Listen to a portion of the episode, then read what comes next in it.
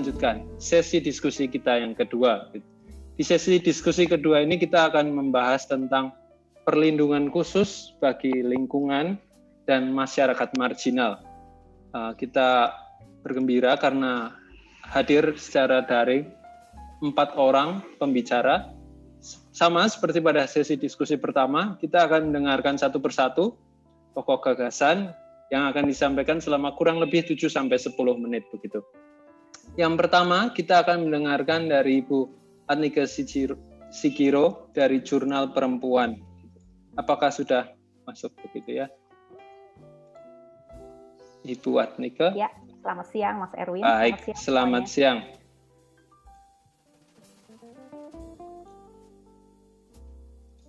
Baik, silahkan Ibu. Oh, langsung saya ya? Iya. Oke.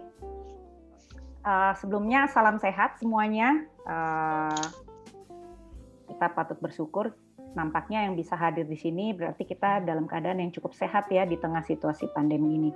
Dan saya mengucapkan selamat uh, kepada Universitas Atmajaya khususnya apa Institute of Public Policy yang uh, menginisiasi atau menyusun satu modul yang sangat penting uh, karena tadi sudah dijelaskan di dalam pengantar oleh Ibu Asmin uh, bahwa sektor bisnis uh, kelapa sawit merupakan salah satu sektor bisnis yang penting di dalam perekonomian Indonesia.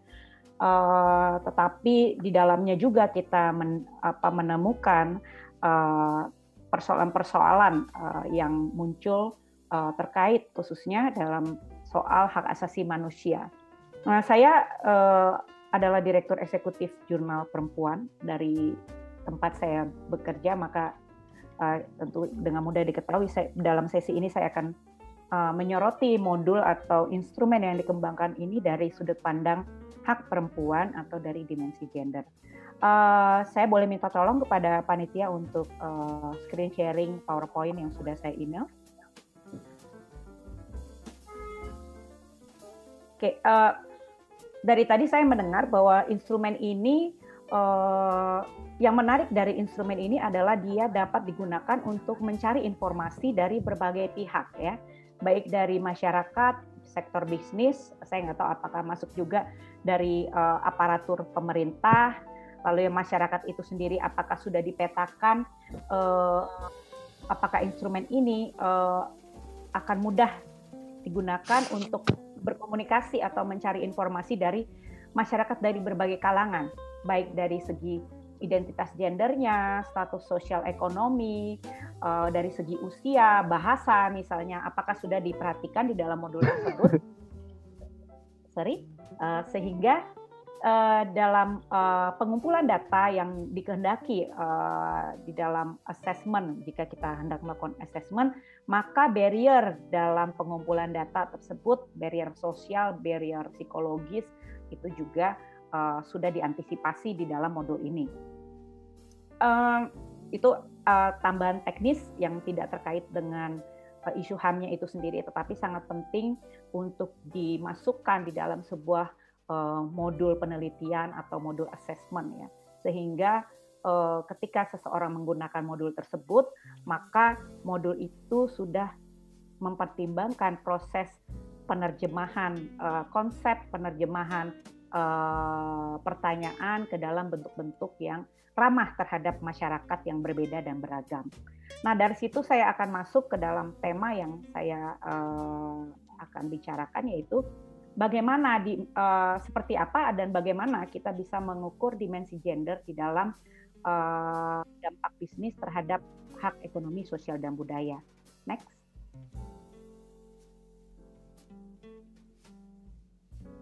Uh, soal pertama modul ini diperuntukkan untuk mengukur hak ekonomi sosial dan budaya. Uh, tetapi sejak awal saya ingin menyarankan kepada penyusun modul ini uh, satu prinsip yang tidak bisa ditinggalkan dalam hak asasi manusia adalah prinsip indivisibility. Bahwa kita tidak bisa mengukur satu pemenuhan atau uh, perlindungan hak asasi manusia misalnya ekosop tanpa kita mempertimbangkan hak-hak lainnya. Apakah itu hak uh, sipil politik atau hak-hak yang bersifat kelompok berbasis kelompok. Dalam hal ini saya bicara misalnya kelompok perempuan atau kelompok berbasis gender. Nah, maka modul ini selain mempertimbangkan uh, instrumen konvensi hak ekonomi sosial dan budaya seharusnya saya nggak tahu ya karena saya nggak dapat lengkap isinya seharusnya juga memasukkan instrumen-instrumen uh, hak asasi yang terkait dengan kelompok-kelompok rentan yang yang sangat atau cukup terdampak di dalam sektor bisnis kebun kelapa sawit. Uh, salah satunya adalah perempuan. Kita belum lama ini mendengarkan hasil penelitian atau uh, investi in, uh, jurnalisme investigasi yang dilakukan oleh Associate Press uh, tentang kasus perkosaan di sebuah uh, perkebunan kelapa sawit. Dan itu tentu menimbulkan shock atau menimbulkan uh, apa namanya uh, kekecewaan ya kepada masyarakat, kepada uh, kaum perempuan, tetapi juga tentu menimbulkan shock kepada sektor bisnis kelapa sawit itu sendiri. Sehingga ketika saya pantau bagaimana respon dari uh, bisnis kelapa sawit di Indonesia, itu juga mereka uh, tentu berusaha berargumen bahwa itu tidak terjadi gitu, atau itu sifat yang kasuistik. Nah, kita harus menyadari bahwa kekerasan seksual di Indonesia sampai saat ini belum mendapatkan satu bentuk perlindungan yang memadai secara hukum uh, maupun secara uh, pemulihan. Sehingga faktor apa faktor-faktor yang memungkinkan terjadinya kekerasan seksual itu dapat terjadi di berbagai bisnis sektor bukan cuma bukan cuma perkebunan. Tetapi tentu perkebunan kelapa sawit sebagai satu bentuk bisnis dengan karakter uh, geografis yang uh, misalnya uh, terisolasi, uh, jarang ada manusia atau uh, remote dari uh, komunitas yang uh, padat gitu, atau jauh dari uh, misalnya perlindungan-perlindungan sosial baik oleh pemerintah lokal maupun oleh masyarakat, maka kita sudah bisa memastikan sebetulnya kerentanan terjadinya kekerasan seksual di dalam sektor bisnis ini kalau tadi pembicara sebelumnya mengatakan kita tidak perlu bukti, itu menurut saya bukan dalam arti tidak ada buktinya, tetapi justru dalam konteks kekerasan terhadap perempuan, sering kali bukti itu tidak bisa ditampilkan karena korban biasanya menutup diri atau tidak mau menceritakan atau bahkan melaporkan kekerasan atau kasus yang dialaminya. Kenapa? Karena ada satu struktur sosial, struktur budaya yang uh, memberikan stigma negatif atau menimbulkan rasa malu kepada korban, bukan kepada pelaku. Nah, dari situ menurut saya uh, instrumen ini sejak awal sudah harus memastikan bahwa instrumen HAM seperti CEDAW uh, atau CRC dalam uh, hak anak itu seharusnya sudah masuk. Nanti juga bisa dipertimbangkan instrumen-instrumen lainnya. Next. Uh, salah satu yang menjadi dasar dari uh, pengembangan atau formulasi instrumen ini kan saya duga dan saya rasa pasti ya adalah UN Guiding Principle on Business and Human Rights. Nah, di dalam guiding principle ini aspek gender, aspek kelompok marginal uh, itu sudah sangat ditekankan ya. Uh, dia sudah memastikan bahwa pengukuran atau assessment atau tata kelola bisnis yang berperspektif dan melindungi hak asasi manusia harus memasukkan di dalamnya aspek gender, kerentanan, marginalisasi, dan juga aspek-aspek lain misalnya uh, etnis minoritas ya kalau perkebunan itu biasanya uh, beroperasi tentu di wilayah-wilayah uh, yang yang alamnya masih sangat luas di mana ada masyarakat lokal, masyarakat adat maka mereka juga termasuk kelompok yang terdampak yang perlu mendapatkan perhatian. Nah, sering kali kelompok-kelompok ini beririsan ya. Uh, sebagai perempuan kemudian dia merupakan etnis minoritas yang terdampak atau masyarakat adat terdampak. Mereka adalah minoritas dalam segi bahasa dalam arti mereka tidak bisa mengekspresikan uh, permasalahan atau kekerasan atau diskriminasi atau eksploitasi yang dialami oleh dirinya maupun komunitasnya, maka aspek-aspek ini harus juga diperhatikan dalam pengukuran uh, pemenuhan atau pelanggaran hak ekonomi sosial budaya di dalam sektor uh, bisnis kelapa sawit. Next. Termasuk juga uh, buruh migran ya itu. Next. Uh, halo? Tolong next ya. Ya.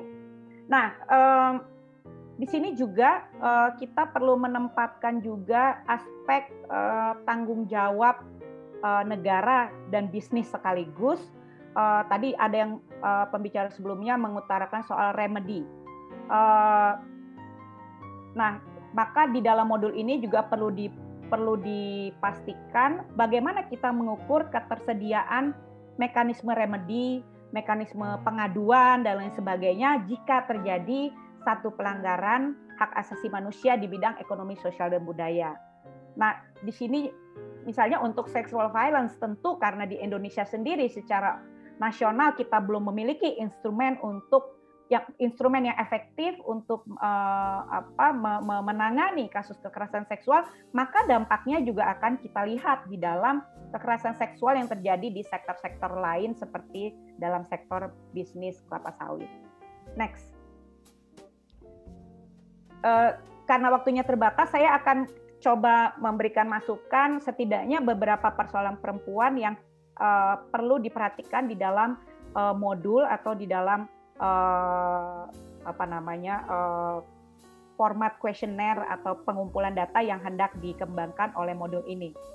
Uh, tetapi saya mau menekankan justru jika modul ini kalau saya lihat ada saya dikirim mungkin tidak dikirimkan kepada uh, hadirin yang lainnya, misalnya ada list berdasarkan hak ya, misalnya ada hak tanah, lalu ada hak lingkungan, hak kesehatan, hak uh, apa tadi lagi uh, hak atas pekerjaan gitu maka seharusnya uh, instrumen ini menempatkan pengarus utamaan gender di dalam semua hak-hak tersebut. Kenapa? Karena kalau kita telah satu demi satu, sebetulnya elemen dimensi gender itu uh, sangat sangat apa namanya sangat rentan untuk dianalisa di dalam setiap aspek itu.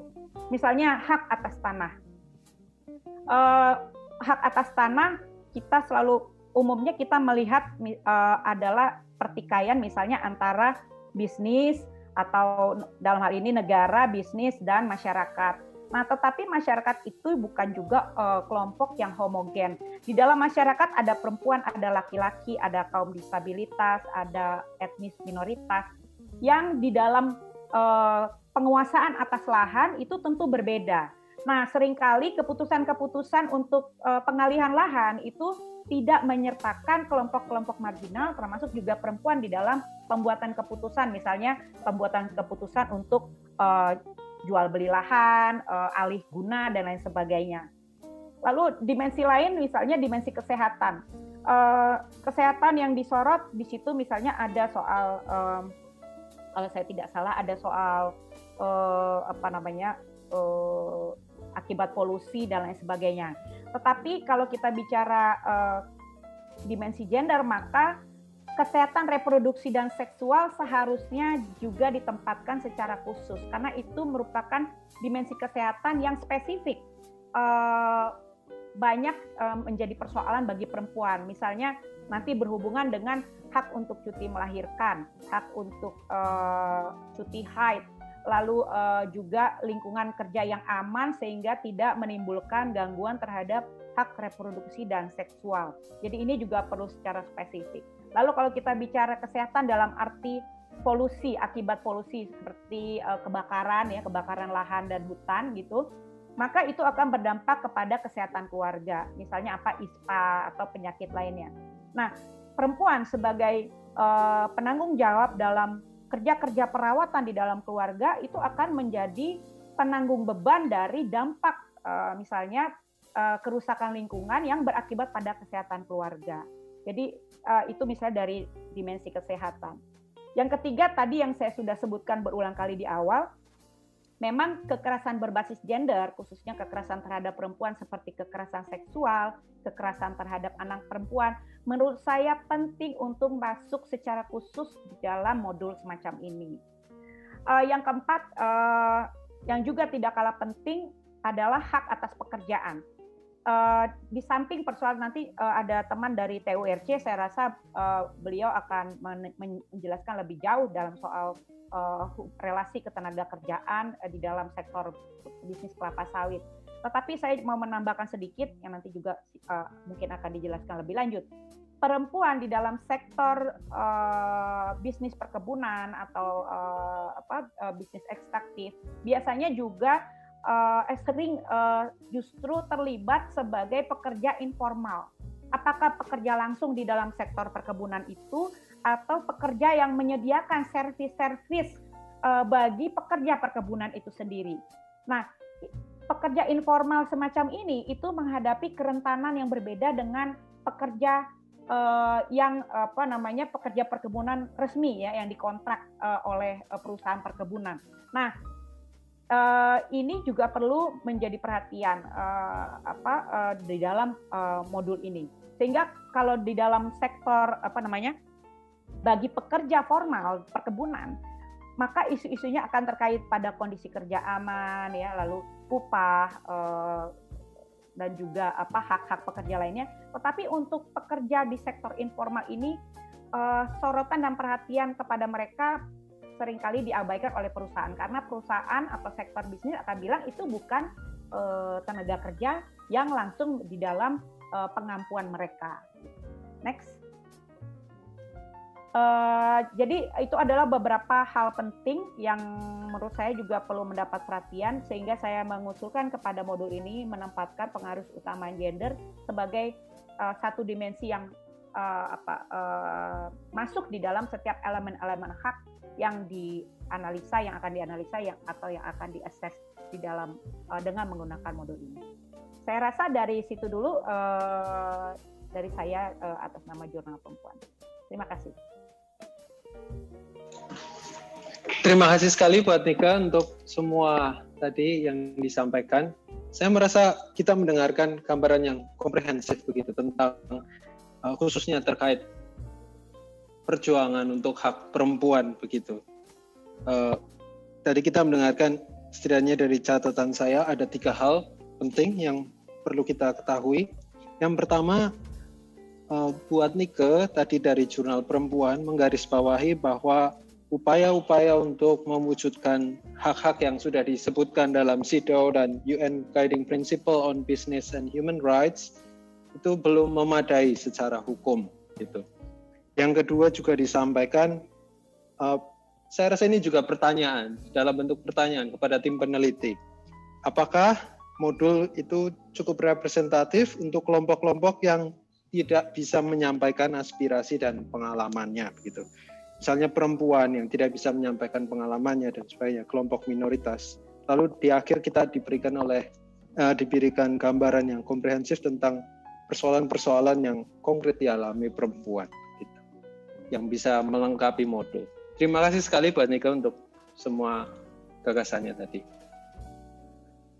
Mari sekarang kita lanjutkan kepada pembicara kedua kita di sesi kedua ini, yakni Bapak Andri Kotang. Tadi sudah sempat disebutkan juga. Beliau adalah direktur dari Trade Union Rights Center gitu TU RC gitu. Kepada Pak Otang silahkan. Ya, selamat siang rekan-rekan semua. Data untuk kita semua.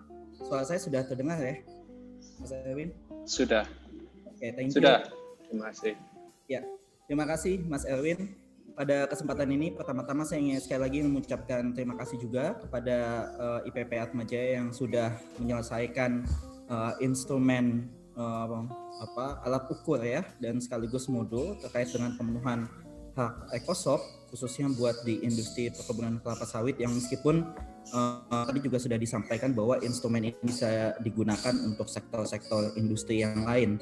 Nah, saya ingin memulai dengan uh, sebuah apa namanya penjelasan bahwa uh, kami Trade Union Trade Center merupakan lembaga pusat studi dan advokasi di bidang ketenaga kerjaan. Jadi uh, pemaparan saya akan saya batasi dalam dimensi uh, pekerja dan dan dimensi ketenaga kerjaan dalam melihat bagaimana instrumen ini bisa bermanfaat buat kelompok masyarakat marginal, khususnya kelompok pekerja. Yang pertama adalah saya ingin mulai dari konteks demografi. Dari pengalaman yang dilakukan oleh ya dalam kerja-kerjanya uh, membantu mengorganisir uh, pekerja di industri perkebunan kelapa sawit, kami bekerja di uh, wilayah Kota Baru, Kalimantan Selatan.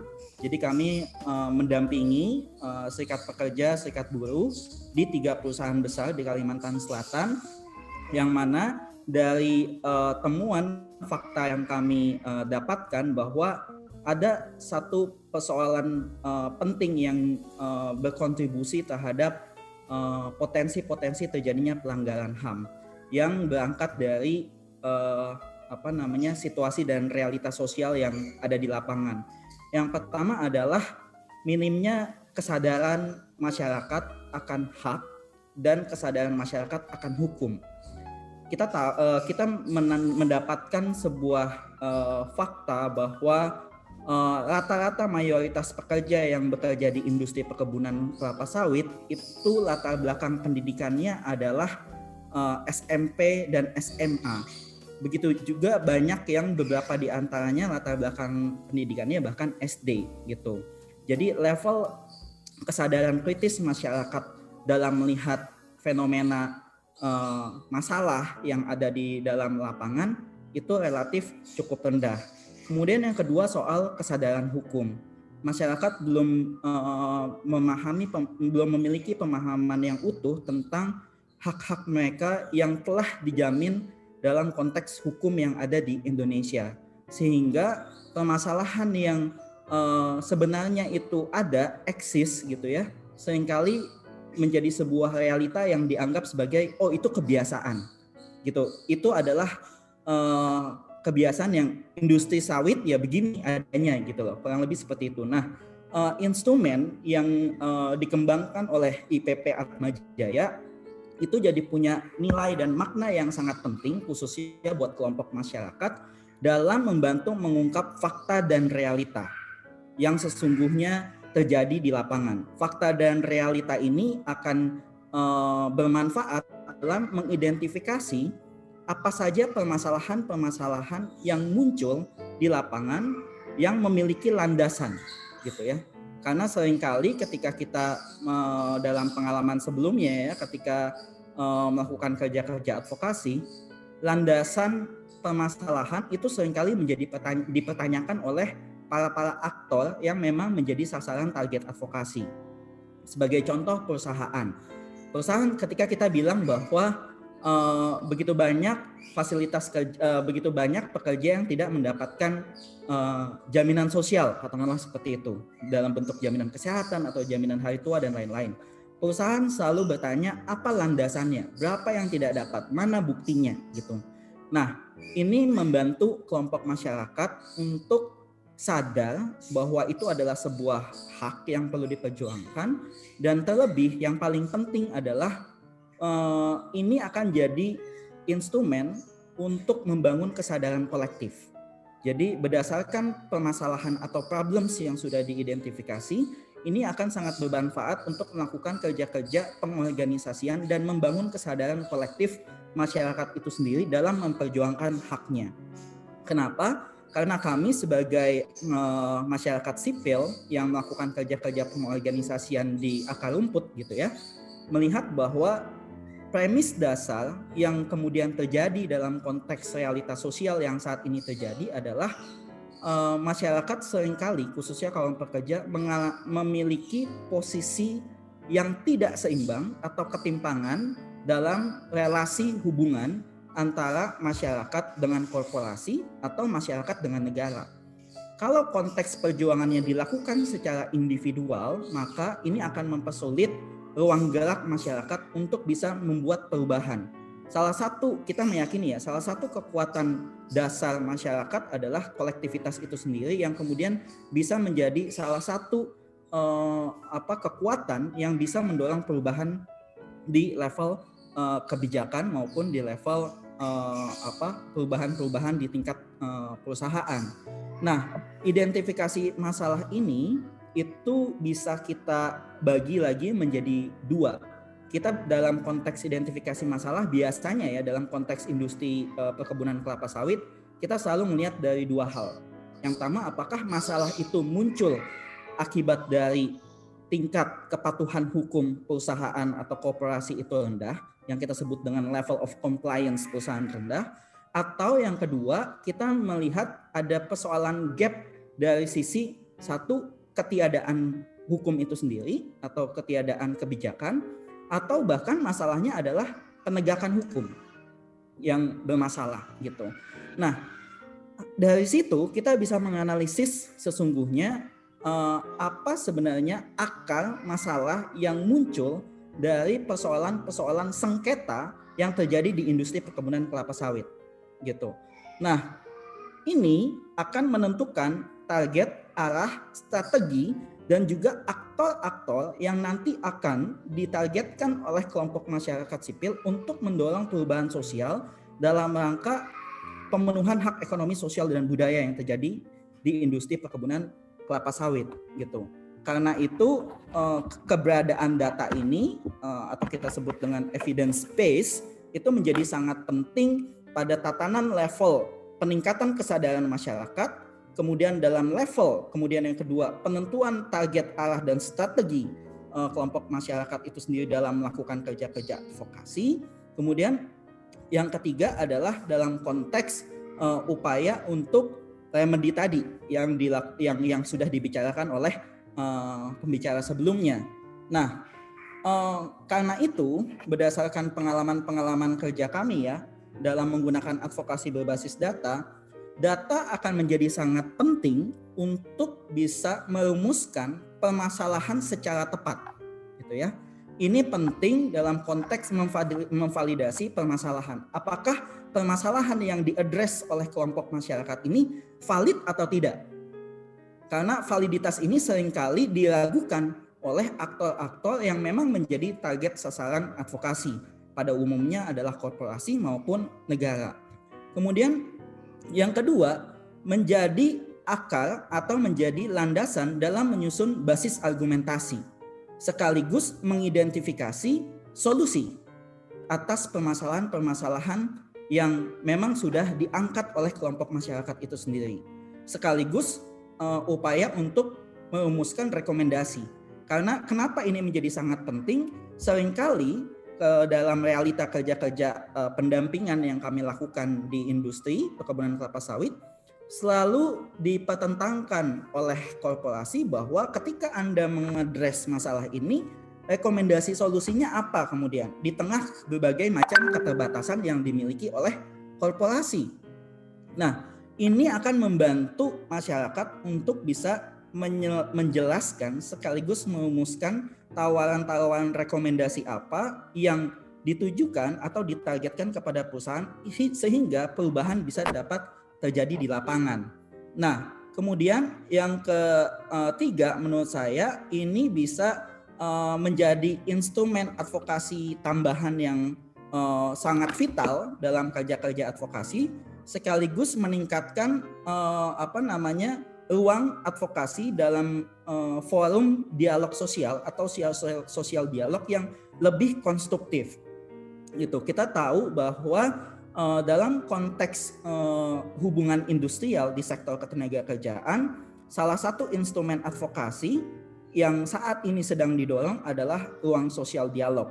Nah, ruang sosial dialog ini menjadi uh, efektif kalau seandainya satu basis kekuatan masyarakat dan kesadaran masyarakat itu memang sudah kuat.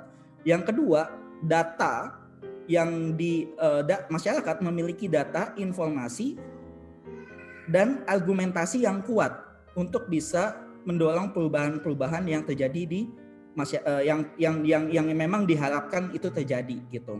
Nah, sebagai uh, contoh yang paling yang ingin saya uh, gambarkan ya lebih detail di industri perkebunan kelapa sawit adalah kami juga sempat melakukan studi kecil-kecilan di uh, wilayah kerja kami bahwa uh, salah satu masalah yang dihadapi oleh pekerja di industri perkebunan kelapa sawit adalah persoalan eksklusi sosial. Apa yang dimaksud dengan persoalan eksklusi sosial ini adalah di mana masyarakat atau pekerja yang berada di industri kelapa sawit itu tidak mendapatkan apa namanya aksesibilitas dalam memperoleh hak-hak yang memang sebagaimana mestinya mereka uh, dapatkan gitu. Nah, uh, contoh ya, contoh adalah eksklusi dari sisi hak kewarganegaraan. Pertama, masyarakat atau pekerja yang bekerja di industri eh, perkebunan kelapa sawit dianggap tidak memiliki uh, dianggap bagian dari tanggung jawab perusahaan meskipun berada dalam suatu wilayah pemerintahan daerah tertentu. Jadi contoh ya soal infrastruktur jalan yang buruk. Jadi di dalam industri perkebunan kelapa sawit itu mayoritas infrastruktur jalannya uh, sangat buruk sekali dan pekerja itu tinggal di wilayah perkebunan sawit. Tadi apa yang disampaikan Pak Gunawan itu memang realita yang kami temukan bahwa ada sebuah desa di mana desa itu berada di dalam wilayah perkebunan kelapa sawit.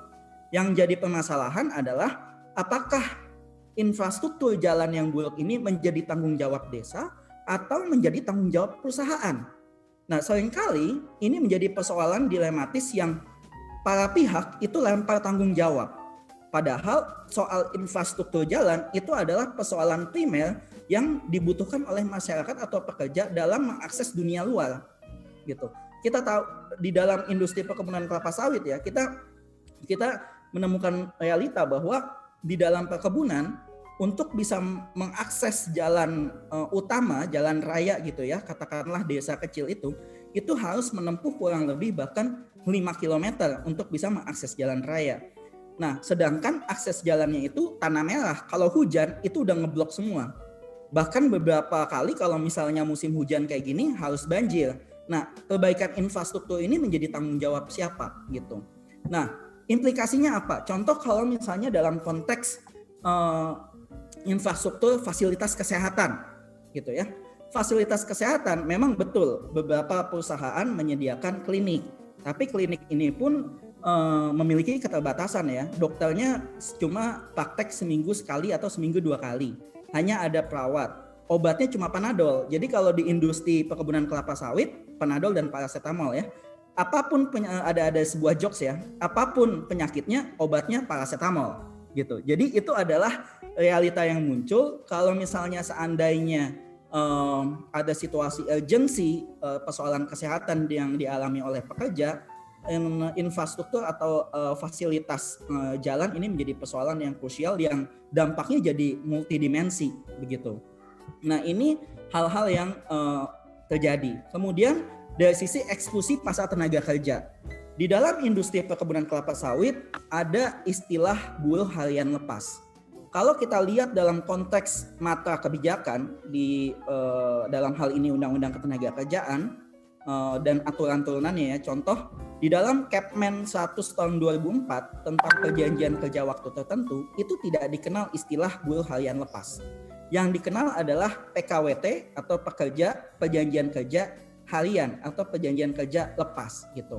Nah, konteks istilah buruh harian lepas yang begitu melekat di industri perkebunan kelapa sawit itu membuat pekerja tidak mendapatkan atau memiliki kerentanan akan hak dan identitas mereka sebagai pekerja, pengakuan akan identitas mereka sebagai pekerja.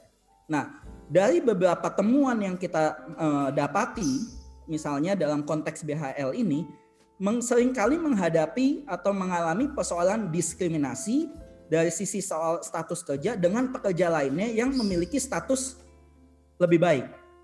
Misalnya mereka statusnya PKWT atau permanen.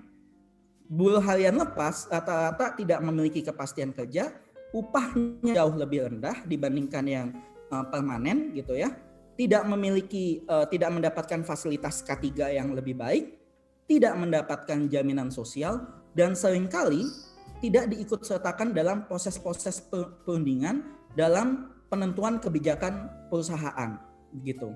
Nah, karena itu ini konteks status kerja di industri perkebunan kelapa sawit itu menjadi sangat esensial karena berkaitan dengan uh, akses untuk mendapatkan pekerjaan yang layak atau decent work yang sering kali kita kenal. Kemudian yang ketiga ya dalam konteks eksklusi partisipasi dalam masyarakat sipil. Misalnya dalam hal persoalan tidak memiliki akses, masyarakat sering kali tidak bisa berpartisipasi dalam pembangunan atau kehidupan sosial yang ada di wilayahnya itu sendiri dan uh, pekerja di industri perkebunan kelapa sawit gitu ya walaupun dia terdaftar di wilayah desa itu sering kali tidak diikutkan dalam musyawarah pembangunan desa gitu sebagai contoh karena dianggap pekerja bukan uh, apa namanya warga lokal. Nah, ini yang kemudian membuat uh, pekerja di industri perkebunan kelapa sawit sering kali menghadapi kerentanan dan eksklusi berlapis gitu. Ini contoh-contoh persoalan di dalam industri perkebunan kelapa sawit yang harapannya itu bisa divalidasi dengan menggunakan alat instrumen yang sudah dikembangkan oleh Unika Atmajaya gitu ya dalam hal ini IPP. Kenapa? Karena ini akan jadi basis uh, masyarakat sipil maupun serikat pekerja sebagai wadah kolektif uh, kelompok pekerja dalam memperjuangkan hak dan kesejahteraannya untuk bisa mengadres kepada aktor-aktor terkait apa sebenarnya fakta, realita dan masalah yang terjadi di lapangan. Kenapa? Karena sering kali uh, dengan keterbatasan jarak, jarak yang jauh, kemudian infrastruktur yang buruk, pemerintah atau negara tidak hadir untuk melakukan pengawasan ketenaga kerjaan. Sehingga fakta dan realita ini tidak terungkap ke ruang-ruang publik dan ruang-ruang kebijakan untuk diselesaikan. Gitu. Nah, uh, kemudian yang kedua, ini akan jadi basis argumentasi yang kuat dalam mendorong perubahan-perubahan sosial yang memang diharapkan oleh uh, publik gitu. Nah, uh, sama satu hal lagi yang saya ingin bahwa, ya sedikit satu menit lagi, uh, menit lagi ya, uh, adalah penting dalam konteks untuk memahami jenis-jenis pekerjaan yang ada di industri perkebunan kelapa sawit. Tadi uh, di awal ya Mas Indro menjelaskan sebelum melakukan uh, instrumen pengolahan atau pengambilan data penting untuk memahami karakter industri dan jenis-jenis pekerjaan. Karena di dalam industri perkebunan kelapa sawit ada beberapa istilah yang tidak dikenal oleh kita. Misalnya contoh kerani, perawatan, pembrondol, apa jenis pekerjaan itu dan apa implikasinya.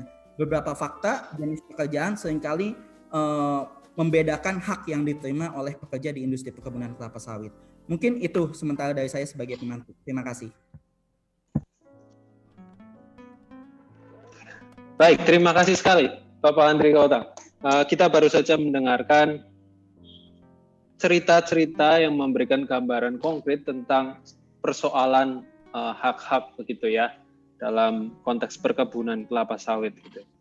Uh, ada tiga hal yang tadi saya catat. Yang pertama tentang persoalan rendahnya kesadaran kolektif, minimnya kesadaran akan hak dan hukum begitu. Itu persoalan pertama karena banyak orang uh, buruh begitu atau petani hanya lulusan SMP, SMA bahkan SD sehingga modul ini dapat membantu kita untuk mengumpulkan data dan menjadi instrumen untuk membangun kesadaran kolektif gitu. Persoalan yang kedua juga terkait masukan-masukan yang diberikan kepada korporasi. Kerap kali tidak mendapatkan rekomendasi yang jelas. Nah, dengan adanya data yang teruji jelas, kita dapat memberikan masukan dengan rekomendasi yang jelas kepada korporasi. Dan yang terakhir kita mendengarkan banyak cerita tentang kasus-kasus eksklusi gitu. Uh, yang membuat pemenuhan hak menjadi bermasalah, mulai dari infrastruktur, kesehatan dan sebagainya. Ada banyak sekali. Dan uh, harapannya modul ini dapat membantu kita mengatasi persoalan ini. Terima kasih sekali lagi Bapak Andri Kotang untuk semua yang tadi sudah dibagikan. Mari sekarang kita lanjutkan kepada pembicara kita berikutnya. Pembicara kita berikutnya adalah Ibu Yanti Francis Fristikawati. Maaf, Ibu Yanti Fristikawati, dosen hukum lingkungan Universitas Katolik Atmajaya. Kepada Ibu Yanti, saya persilahkan. Uh, baik, terima kasih Pak Erwin juga untuk Bu Asmin dan tim Atmajaya uh, selamat gitu ya. Ini menurut saya cukup baik. Saya mungkin agak cepat aja supaya karena waktunya juga sudah ini mungkin langsung ke slide berikutnya.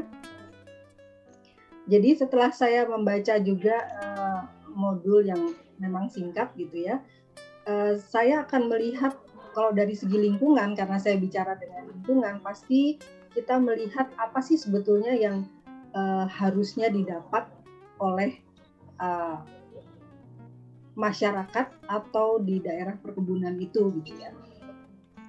Jadi alat ukur ini bisa digunakan untuk apakah memang sudah terpenuhi hak-hak mereka atau apakah sudah uh, sesuai dengan aturan yang ada.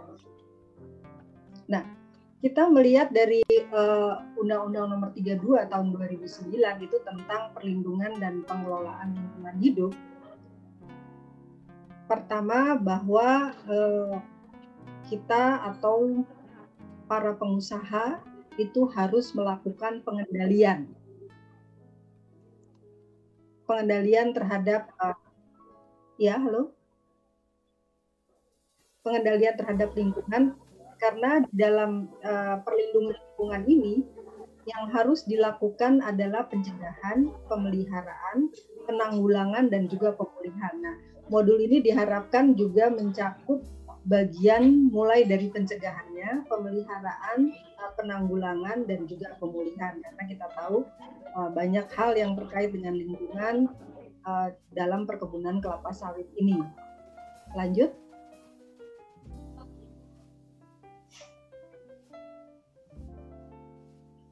Nah, uh, dapat dikatakan bahwa sekarang ini hak lingkungan hidup itu adalah bagian dari hak asasi manusia. Ya, jadi bahwa setiap orang itu berhak atas lingkungan hidup yang baik dan sehat yang menjadi bagian dari hak asasi manusia. Berarti di sini termasuk masyarakat di sekitar perkebunan juga harus memperoleh uh, hak atas lingkungan hidup. Selain itu, uh, setiap orang termasuk masyarakat tadi berhak mendapatkan pendidikan lingkungan, juga akses informasi, kemudian akses partisipasi, dan akses keadilan ya, untuk memenuhi hak atas lingkungan yang hidup dan baik tadi. Kemudian uh, setiap orang itu juga berhak mengajukan usul dan atau keberatan terhadap rencana usaha atau kegiatan yang diperkirakan dapat menimbulkan dampak. Nah, untuk ini uh, harus juga alat ukur tadi bisa melihat apakah hak-hak tadi sudah terpenuhi oleh masyarakat. Mereka mendapatkan informasi yang baik, kemudian bisa berpartisipasi, termasuk uh, nextnya ada apa namanya pengaduan, keberatan dan lain-lain. Nextnya. Nah, di dalam pasal 65 tadi dikatakan bahwa masyarakat berhak memperoleh informasi. Jadi uh, pengusaha kelapa sawit harus terbuka ya dengan informasi-informasi sehingga masyarakat bisa mengerti apa yang terjadi dan apa yang harus mereka lakukan. Termasuk mereka berhak juga mengajukan usul atau keberatan mulai dari rencana awal. Jadi pada saat uh, akan dibuat atau uh, dilakukan penanaman atau pe, apa bukaan lahan untuk kelapa sawit ini, maka masyarakat sudah boleh mengajukan usul dan keberatan apabila diperkirakan ada uh, dampak lingkungannya ya. Dampak lingkungan di sini termasuk bukan hanya lingkungan alam tetapi juga lingkungan tadi kaitannya dengan masalah uh, budayanya gitu ya itu termasuk ke dalam lingkungan dan apabila pada saat sudah terlaksana masyarakat juga berhak mengad, uh, melakukan pengaduan apabila dilihat ada dugaan terjadinya pencemaran atau perusakan lingkungan. Jadi masyarakat berhak juga untuk mengadu. Di pasal 70 uh, ini tentang peran serta. Jadi kalau tadi hak-hak masyarakat ya, apa yang harusnya diperoleh oleh masyarakat terkait lingkungan. Selain itu, masyarakat juga bisa berperan serta melakukan pengawasan sosial, memberikan saran, uh, memberikan pendapat, usul, termasuk juga memberikan keberatan atau pengaduan dan memberikan atau menyampaikan informasi serta laporan. Jadi ini masyarakat bisa berperan serta dan Eh, menurut saya kalau memang uh, pengusaha kelapa sawit bermitra dengan masyarakat, maka masyarakat ini juga bisa menjadi corong atau penyampaian informasi yang lebih ke bawah lagi uh, melalui misalnya perangkat desa dan lain-lain sehingga peran masyarakat dapat ditingkatkan. Berikutnya. Maaf, slide berikutnya. Next slide, please. Oke. Nah, berikutnya yang bisa kita lihat adalah dari Undang-Undang eh, Perkebunan, itu Undang-Undang Nomor 39 Tahun 2014 ya. Uh, ini pemerintah pusat maksudnya ya ini punya hilang gitu ya. Pemerintah pusat dan pemerintah daerah sesuai kewenangannya ini uh, pemberdayaan untuk pengusaha perkebunan ya dan juga melibatkan masyarakat. Ini yang penting. Jadi bahwa pengusaha perkebunan ini harus melibatkan masyarakat dan di pasal 56 eh, pelaku usaha itu dilarang tadi membakar ya. Jadi itu salah satu bagian sehingga di dalam uh, alat ukurnya juga bisa dilihat apakah dilakukan saya ingat dulu di dalam ininya ada apakah dilakukan pembakaran atau dilakukan yang lain sehingga pengusaha atau pelaku usaha perkebunan ini berkewajiban mempunyai sistem, sarana, dan prasarana uh, dalam pengendalian kebakaran lahan. Jadi tidak dapat dipungkiri barangkali misalnya suatu ketika walaupun tidak melakukan pembakaran tetapi terjadi kebakaran. Jadi tetap harus ada sarana dan prasarana di sini yang uh, juga harus disiapkan. Lanjut.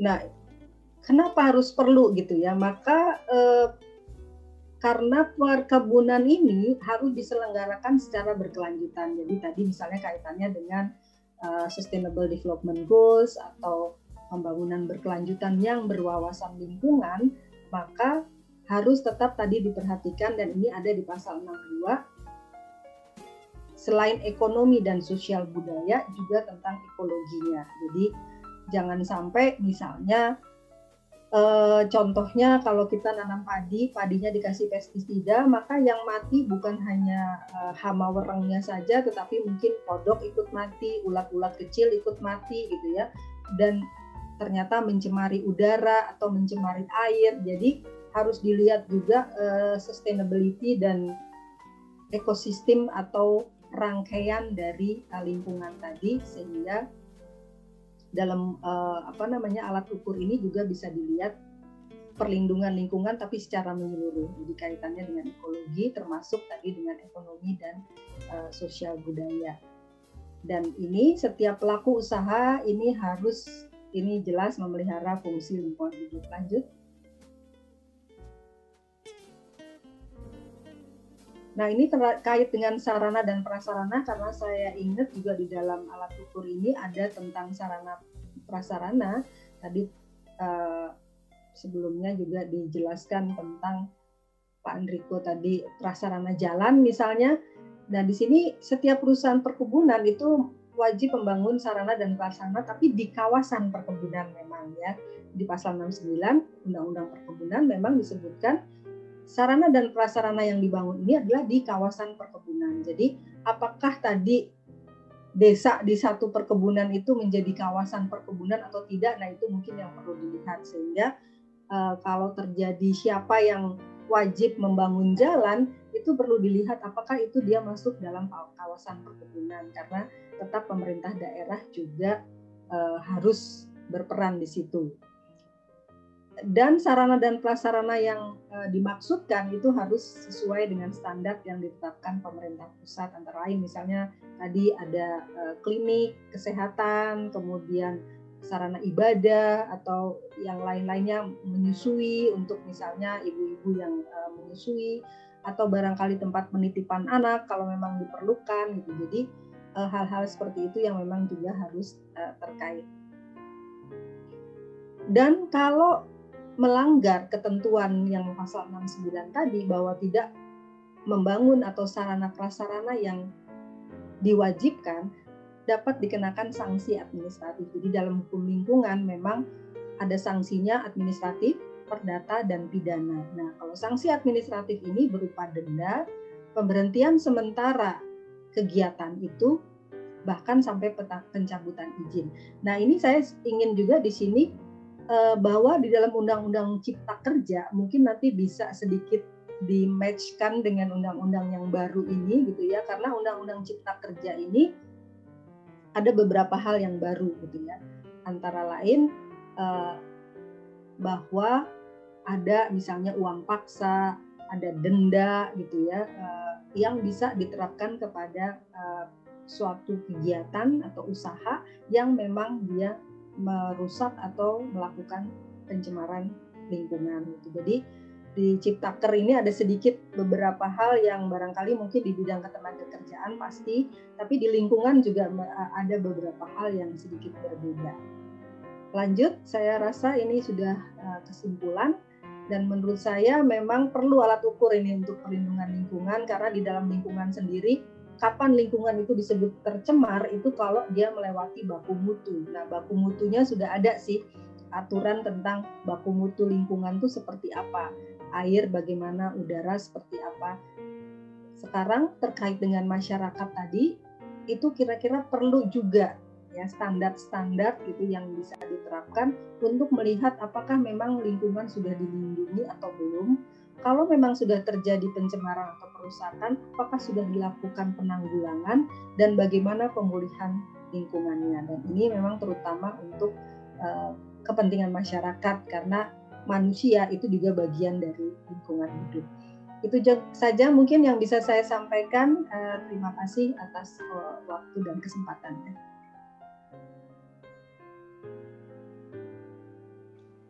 Terima kasih, Bu. Eh. Terima kasih Bu Yanti Fistikawati untuk uh, penjelasannya. Kita mendengarkan bagaimana modul penentuan uh, pemenuhan hak ekosop ini dikaitkan dengan peraturan-peraturan hukum terkait begitu. Uh, saya cepat saja begitu. Kita masih punya seorang pembicara terakhir, yakni Bapak Stefanus Mulyadi. Beliau adalah pendiri Yayasan Merangat yang berkarya untuk memberdayakan masyarakat adat di Kapuas Hulu, Kalimantan Barat. Mari kita dengarkan gagasan-gagasan beliau. Silakan, Pak Stefanus Mulyadi.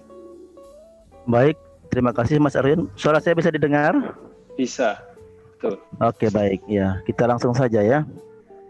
Uh, sebenarnya ya, terima kasih sekali atas kesempatan yang diberikan kepada saya bisa berbicara dari Kabupaten Kapuas Hulu, ujung Pulau Kalimantan ya, Kalimantan Barat. Di mana kami tinggal di daerah yang memang uh, wilayah perkebunan sawit ya. Mestinya tidak ada kebun sawit di sini karena ini daerah konservasi. Uh, daerah uh, cagar biosfer juga, tetapi uh, hampir 40% daerah ini adalah perkebunan sawit ya. Uh, baik, saya langsung saja beberapa hal tadi sudah banyak sekali dibicarakan oleh pembicara sebelumnya. Uh, bisa saya izin menampilkan sedikit aja uh, apa namanya PowerPoint atau tidak perlu ya? Halo, bisa dengar? Boleh, ya? boleh, bisa, bisa. Uh, bagaimana saya nampilkannya ini? Share screen di bagian bawah. iya, share screen ya.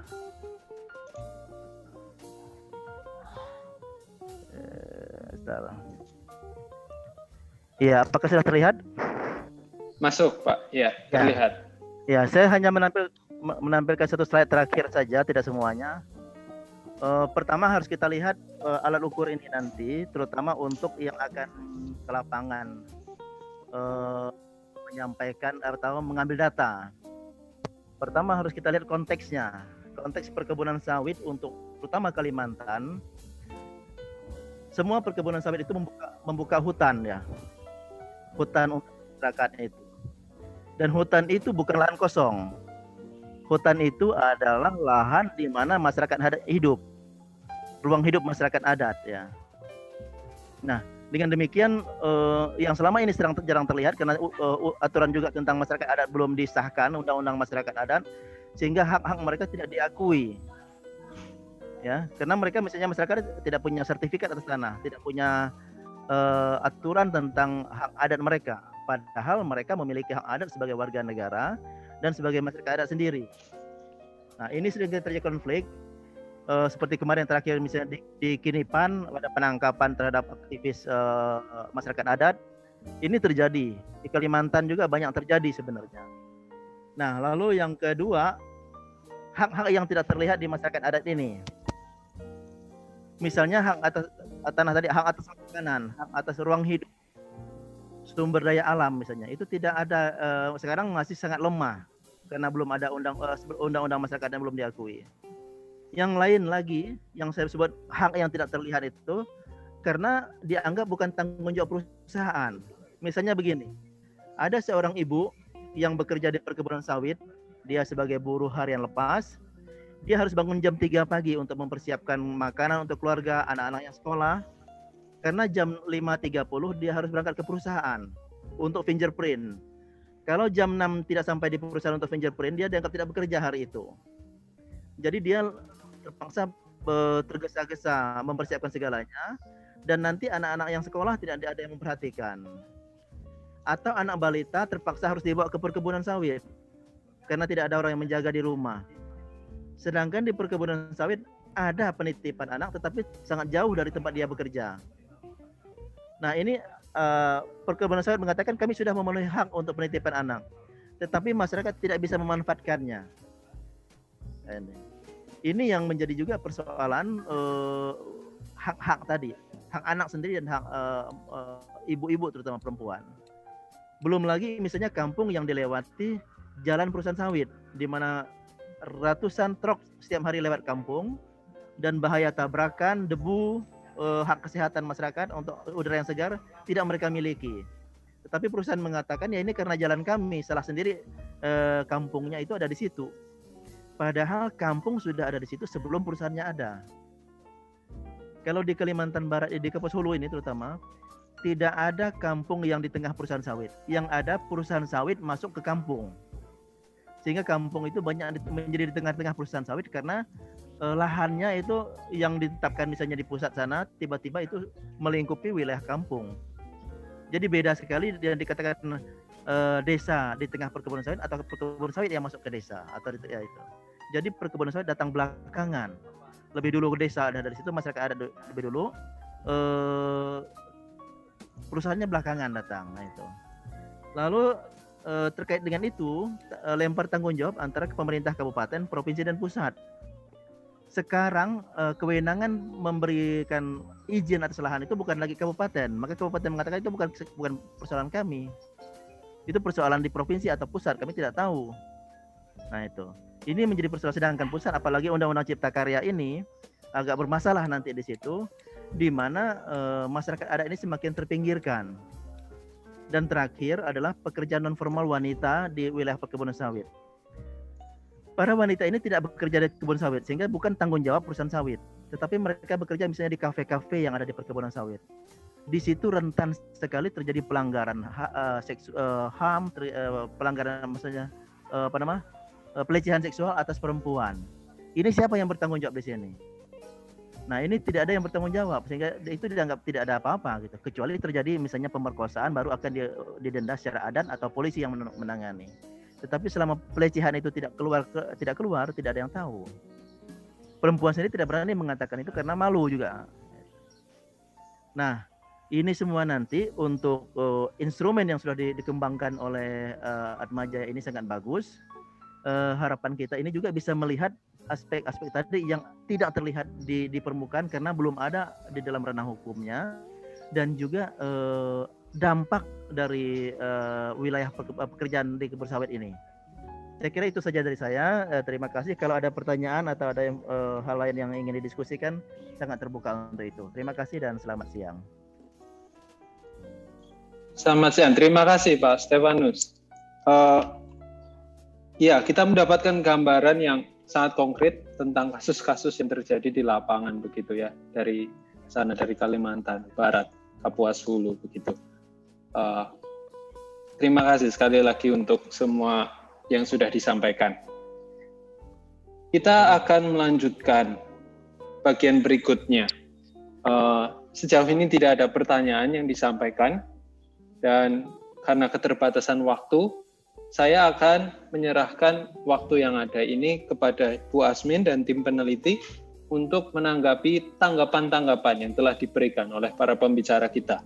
Kita tadi sudah mendengarkan yang pertama-tama tentang kasus-kasus konkret dari pengalaman advokasi dari orang-orang yang sudah memperjuangkan hak-hak asasi manusia begitu ya dan juga relevansi dari modul-modul eh, dari modul untuk upaya advokasi ini. Mari kita dengarkan dari tim peneliti.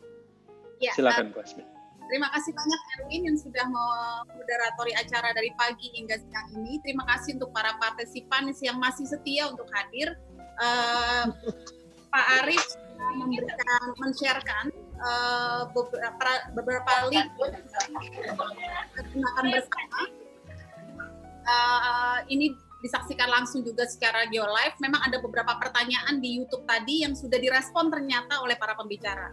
Nah, uh, kami tidak akan menanggap, menanggapi satu persatu karena kami justru sangat berterima kasih atas semua tanggapan yang diberikan oleh para narasumber dan juga para penanggap. Uh, baik itu memang uh, masukan secara langsung terhadap pengembangan alat ukur dan modul. Yang kedua memang masukan secara umum terhadap apa yang diharapkan dari para dibayar belum? Para pemerhati lingkungan hidup. Mana? Terhadap uh, nggak bisa kegedean situasi hak asasi manusia di Indonesia. Ya, kok nggak Nah, uh, yang kedua adalah uh, masukannya sudah tentu kami akan catat dan ini juga ada recordnya. Jadi kami akan kembali uh, sekali lagi untuk melihat alat ukur ini sebelum nanti akan kami launching di uh, sekaligus uh, di launching dashboard kami. Uh, dashboard ini adalah satu laman website yang berada di home page-nya IPP. Uh, nanti di dalam dashboard tersebut akan juga ada modul dan alat ukurnya yang selalu bisa dikembangkan Bapak Ibu. Jadi memang uh, alat ukur dan modul ini bukan barang mati yang tidak bisa diotak-atik, itu bisa sangat direplikasi, bisa sangat dimodif dengan berbagai kebutuhan yang ada. Nah, uh, minimal yang kami bisa bantu adalah memberikan ruang atau orang menyebutnya sebagai civic spaces untuk eh, ruang-ruang uh, temuan-temuan ilmiah bisa di-share, bisa juga diambil, bisa juga dicermati, bisa juga diteliti dan bukan hanya raw material, uh, bukan hanya yang bersifat kasar dan tidak mentah, tetapi kami juga akan bantu mengolah dan Bapak Ibu bisa gunakan tersebut. Ide dari dibentuknya satu pusat kebijakan publik yang yang ada di Atma Jaya adalah memastikan kebijakan publik itu transparan dan akuntabel, milik bersama dan kami juga sangat mengharapkan Bapak Ibu bisa memberikan berbagai data di situ. Uh, dashboard ini akan kami launching di bulan Januari, Bapak Ibu. Uh, semua data yang kami miliki uh, nama dan juga email. Kalau Bapak Ibu berkenan untuk memberikan uh, mengisi uh, Bitly di uh, daftar hadir tolong isi terutama soal email karena kami akan berikan link dashboardnya dan semua orang akan bisa akses. Memang ide dasar dari uh, kerja bersama antara uh, Fakultas Hukum, IPP dan uh, ICCO ini adalah membangun uh, civic spaces itu yang uh, harapannya bisa dicerna dan bisa diakses oleh semua pihak.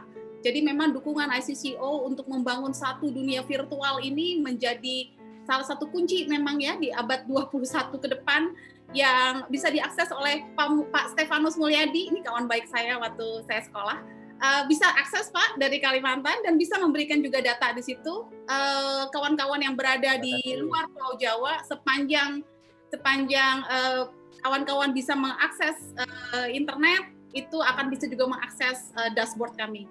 Uh, itu sebenarnya idenya dan uh, saya berharap uh, uh, catatan tadi kita akan kembali lagi ke rumah kami dan kami akan mencoba lihat mana yang memang harus kami masukkan tanpa ada syarat karena ada ada beberapa prinsip yang harus kami masukkan.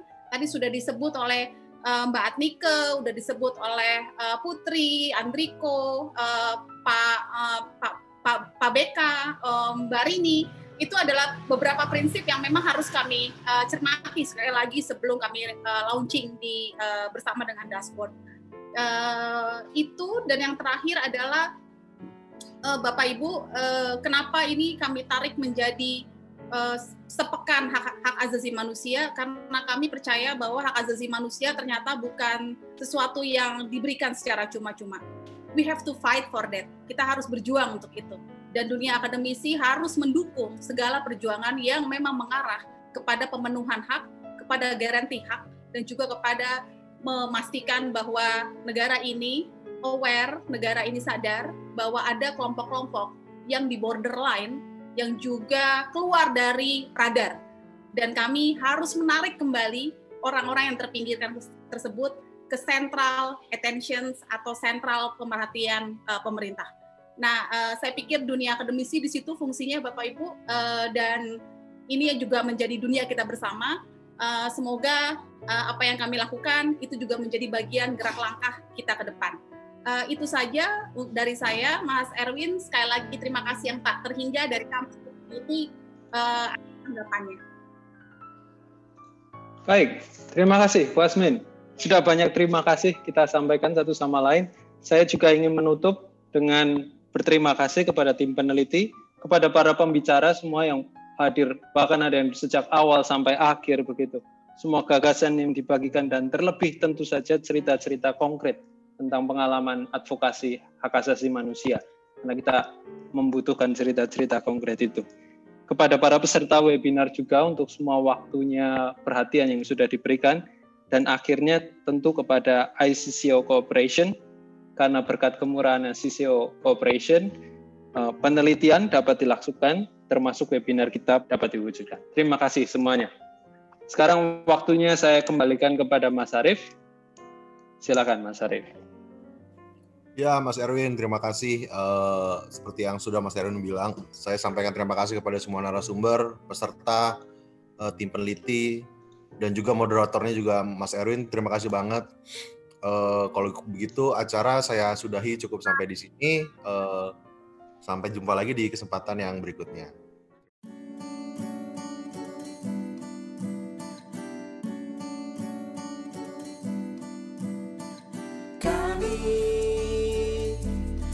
generasi penerus bangsa bersatu membangun Indonesia.